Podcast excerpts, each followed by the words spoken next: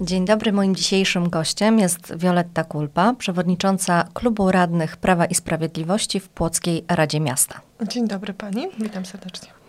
Pani Wioleto, dzięki Pani interpelacji wiemy, że za Monopoli Płock, w którym pojawił się wizerunek prezydenta Andrzeja Nowakowskiego, zapłaciliśmy z budżetu miasta ponad 153 tysiące złotych. Ale nie jest to pełna kwota, ponieważ w odpowiedzi zabrakło informacji, ile zapłaciły miejskie spółki.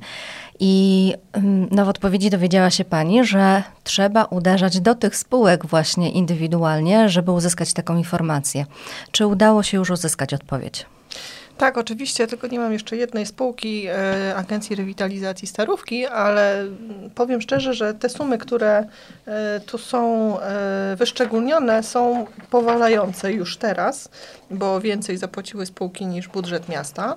Już wszystko mówię. 153, jak pani e, powiedziała, rzeczywiście to z budżetu miasta Płotka, czyli z pieniędzy wszystkich podatników. E, spółki miejskie łącznie wydatkowały poza ARS-em, którego jeszcze informacji nie mam, 165 567, czyli łącznie wydaliśmy na promocję gry Monopolii z wizerunkiem pana Andrzeja Nowakowskiego, nie prezydenta miasta Polska, bo to też jest e, istotne, mm, za chwilkę o tym powiem. Wydaliśmy 318,5 tysiąca złotych. No, Czyli bardzo tego, duża kwota. Z tego można byłoby no, zrealizować pewne działania na rzecz mieszkańców. No ale lepiej wydać na grę Monopoli. I dlaczego y, promocja Andrzeja Nowakowskiego? Ponieważ y, zarówno pani redaktor, jak i mnie odpowiedział Urząd Miasta Płocka, że tam nie był zaprezentowany prezydent miasta Płocka, tylko pan Andrzej Nowakowski. Więc pytanie, czy powinniśmy mm, promować tego typu działania, no bo pan prezydent może zapromować swoją osobę, ale z prywatnej kieszeni.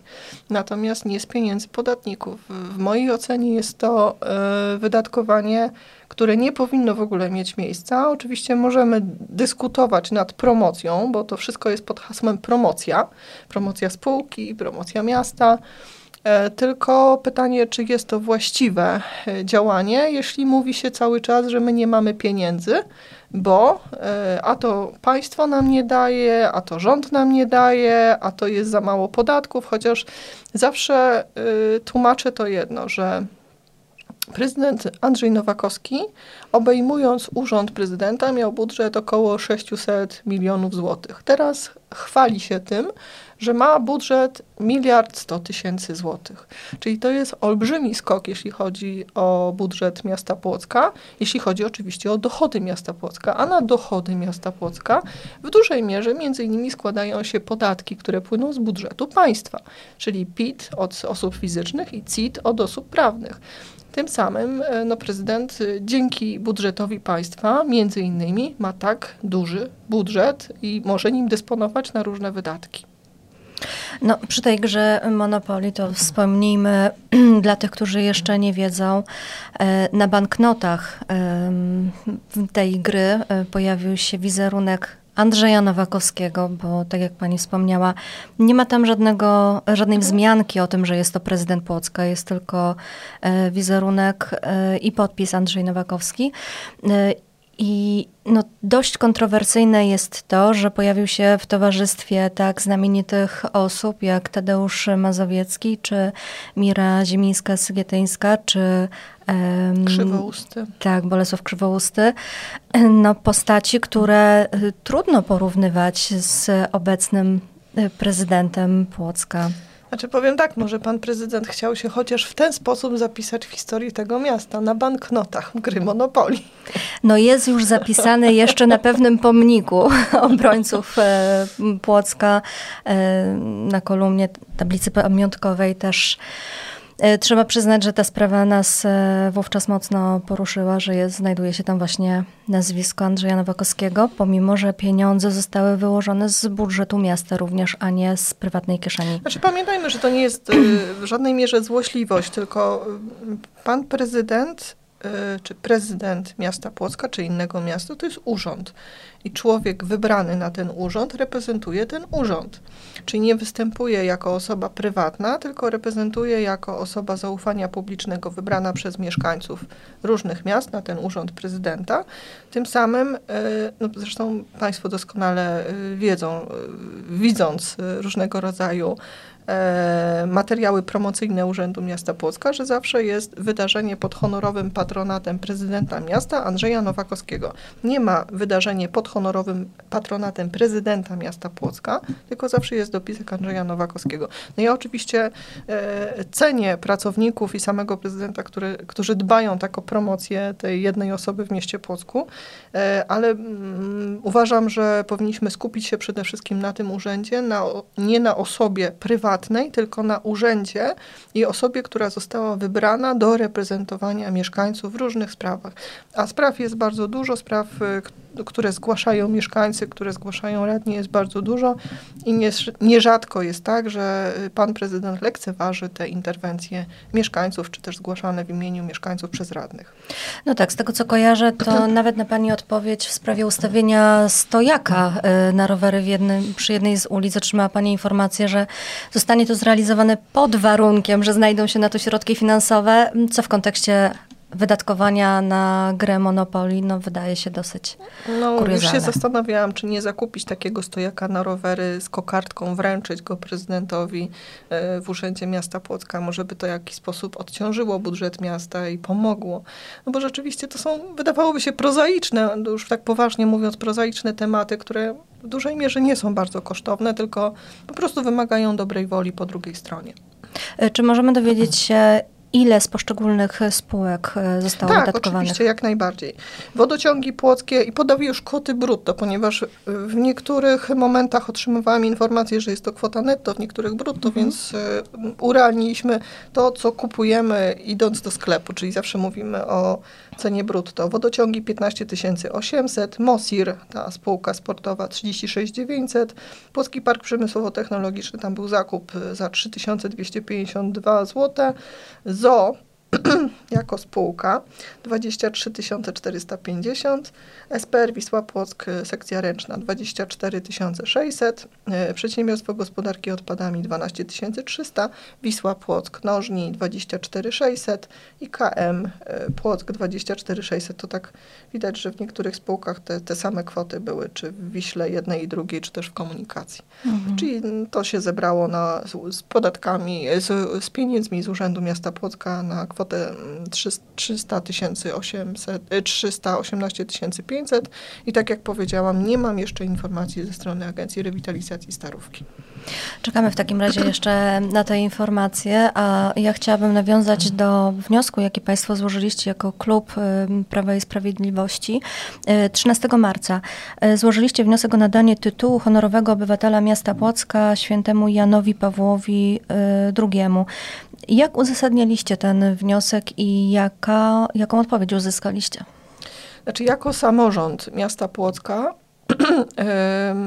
wystąpiliśmy e, do przewodniczącego Rady Miasta Płocka, bo procedura jest określona w regulaminie e, nadawania, przyznawania tytułu honorowego obywatela miasta Płocka, stanowi załącznik do statutu miasta Płocka. Mówi o tym, że najpierw trzeba złożyć wniosek do przewodniczącego Rady. Przewodniczący Rady hmm, prosi o zwołanie kapituły. Kapituła e, zajmuje stanowisko w sprawie przyznania tytułu danej osobie i wówczas jest przygotowywany projekt uchwały na sesję Rady Miasta Płocka i radni wtedy głosują ten projekt. A skąd się wziął e, pomysł w ogóle, e, ta inicjatywa? Chyba no, nie trudno zaobserwować, co się wokół dzieje, jaka jest sytuacja, e, jeśli chodzi o negowanie czy też oczernianie e, osoby świętego Jana Pawła II. Chcieliśmy, nie robiąc to w mm, świetle polityki, fleszów, nie robiliśmy żadnych konferencji prasowych, nie nagłośnialiśmy tej sprawy, że złożyliśmy ten wniosek Grzecznie go złożyliśmy w Urzędzie Miasta Płocka, prosząc przewodniczącego Rady Miasta Płocka o rozpatrzenie. Pan przewodniczący za pośrednictwem pracowników Biura Rady Miasta Płocka skierował do nas, do inicjatorów tego wniosku maila że posiedzenie kapituły odbędzie się 12 kwietnia i prosi o to, aby generalnie nie podgrzewać atmosfery wokół osoby świętego Jana Pawła II. Ja myślę, że y, każdy z nas, y, z katolików, osób, dla których y, był bliski Jan Paweł II, dla których, znaczy ja tak na dobrą sprawę, wychowałam się na, y, na jego słowach, na jego kazaniach, na jego pielgrzymkach, y, na jego nauce ja nie znałam innego papieża, bo mm, papież został powołany mm, w momencie, kiedy no, miałam kilka lat. W związku z tym całe moje życie, jakby to był tylko święty Jan Paweł II, papież. I dla mnie jego nauka, jego encykliki, jego kazania i zresztą pamiętam jego pielgrzymkę do Polski, do Płocka, kiedy w 1991 roku y, mogliśmy, mogłam go obejrzeć osobiście, będąc na placu Celebry. To było dla mnie niesamowite przeżycie, mimo że nie byłam y, jeszcze osobą dorosłą, tylko nastolatkiem, ale mimo wszystko dla mnie było to bardzo ważne wydarzenie, bardzo ważne przeżycie.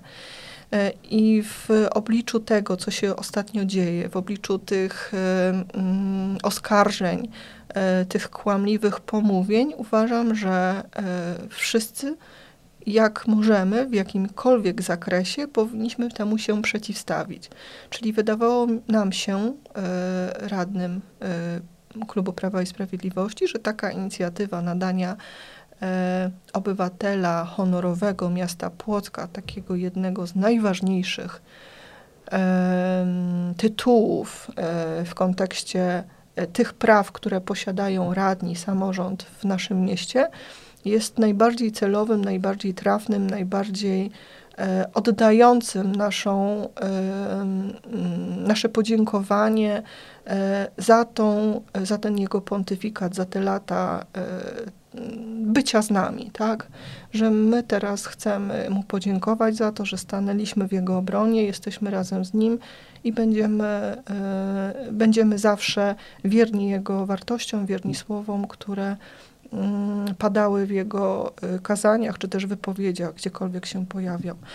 Y, I to jest takie nasze świadectwo po prostu. Y, i prosiliśmy o to, żeby to w ciszy, spokoju przeprocedować. Nie rozumiemy, y, po co był ten mail do nas skierowany, że prosi nas się o zachowanie y, spokoju, czy też wyciszenie emocji. Nie, tu nie ma żadnych emocji, to nie ma żadnej chucpy politycznej, my niczego takiego nie robiliśmy i nie zamierzamy robić. Tylko prosimy o normalne przeprocedowanie naszego wniosku.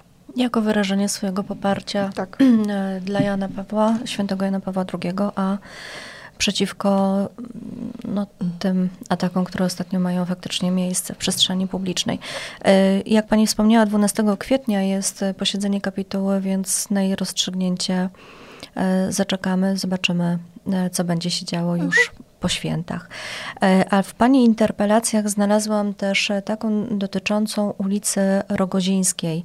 E, jest to ulica, która podlega e, pod powiat płocki. Dlaczego akurat o tej ulicy Pani wspomniała?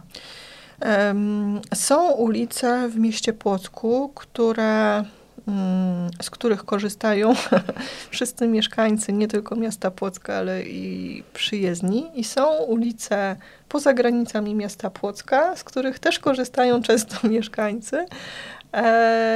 A powiem tak, no, tam jest taka kuriozalna sytuacja, bo jadąc ulicą Wyszogrodzką, po lewej stronie jest y, gmina Słupna Nowe Gulczewo, a po prawej stronie jest miasto Płock. No i siłą rzeczy jesteśmy tak naprawdę w jednym obrębie i wszyscy doskonale wiemy, że komunikowanie się w tym obszarze, zarówno mieszkańców Płocka, jak i innych osób, które y, z, z, przyjeżdżają tutaj w to miejsce, jest bardzo częsty y, ulicą Rogozińską, bo to jest właśnie skrót do drogi na Poznań, na Płońsk, przepraszam. E, I de facto y, często tam korzystamy z tej drogi, komunikując się z tamtą, z tamtą trasą. I dlaczego napisałam o ulicy Rogozińskiej? E, ponieważ jeszcze jak wiceprezydentem był pan e, Jacek Terebus, e, prowadził z nami rozmowy, z radnymi, czy w zasadzie z przewodniczącymi klubów w Radzie Miasta Płocka, o tym, że miasto Płock zamierza przejąć od e, starostwa E, ulicę Rogozińską. E, to jeszcze chyba było przed, e, de facto przed budową tej naszej obwodnicy. I prośba była wtedy do nas skierowana, czy my akceptujemy taką propozycję, że droga by została wyremontowana i stanowiła taki skrót właśnie dla mieszkańców Płocka, którzy chcą objechać nie wjeżdżając do miasta, chociażby wyjechać albo wtedy w lewo do Otolijskiej, kierować się, albo w prawo na Płońsk. E, de facto w, końcu, w konsekwencji do tego nie doszło, ponieważ e, jakby ruszyły się prace z budową tej obwodnicy małej miasta Płocka e, i chyba odstąpiono ostatecznie od tego pomysłu. Później pan Terebus do tego nie wracał. Więc śladem tamtych wydarzeń, skoro miasto Płock wtedy uważało, że ta droga jest tak istotna z punktu widzenia miasta Płocka, no to uważam, że powinna być w kręgu zainteresowań e, również mm, władz miasta Płocka w kontekście interweniowania e, w samorządzie e, powiatowym czy też wojewódzkim, bo rozmawiałyśmy przed chwileczką i mm, pani redaktor zauważyła, że droga została przez powiat przekazana tak, w marcu do, ubiegłego roku została przekazana tak, w zarząd do samorządu mhm. województwa mazowieckiego tak czy siak y, nie chodzi już o to, kto jest teraz jej właścicielem, ale chodzi o stan techniczny tej drogi, e, o ludzi, którzy się poruszają poboczem idąc pieszo. To pobocze, mm, znaczy tam w ogóle nie ma pobocza. Nie ma pobocza faktycznie. Ludzie poruszają mhm. się po połamanym asfalcie ulicy, a samochody jadące starają się omijać pieszych albo za chwilkę będzie problem z rowerzystami, którzy wyjadą również w ulicę Rogozińską i będzie problem z ominięciem, ponieważ e, de facto tam się nie omija pieszego, tylko omija się dziury, bo można mm, naprawdę bardzo poważnie uszkodzić samochód.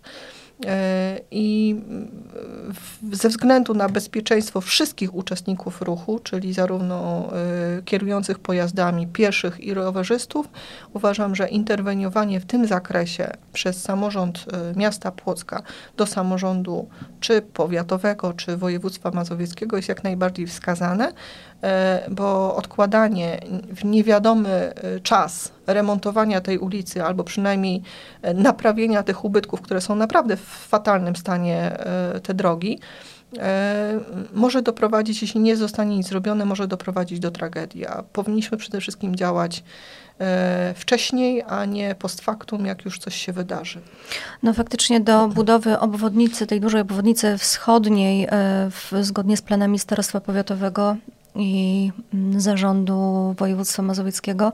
No jeszcze trochę czasu na pewno e, będzie, bo to jest dopiero na etapie chyba wstępnego projektowania, z tego co się orientuję. Tak, dokładnie. E, więc e, no faktycznie Kilka jakoś... będzie robiło bardzo dużą różnicę, bo każdy, uważam, że każdy miesiąc użytkowania tej drogi w takim stanie powoduje jeszcze jej gorszą dewastację i za chwilkę, no, tak jak powiedziałam, no nie chciałabym słyszeć o jakiejś tragedii tragedii, która mhm. będzie miała miejsce na tej drodze. Rozumiem, że na tej interpelacji odpowiedzi jeszcze nie mamy. Jeszcze nie, nie, nie jeszcze mhm. nie mamy. To. Y, czekamy w takim razie spokojnie i na odpowiedź na tę interpelację i na odpowiedź ZARS-u w sprawie monopolii.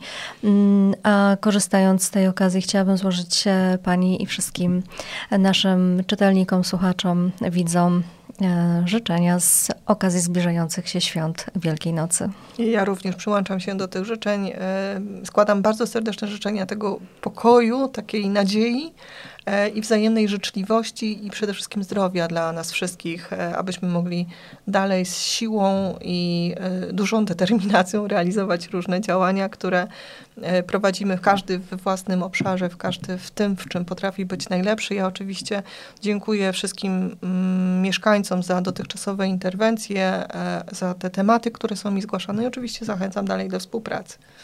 Dziękuję bardzo. Moim gościem była Wioletta Kulpa. Dziękuję serdecznie.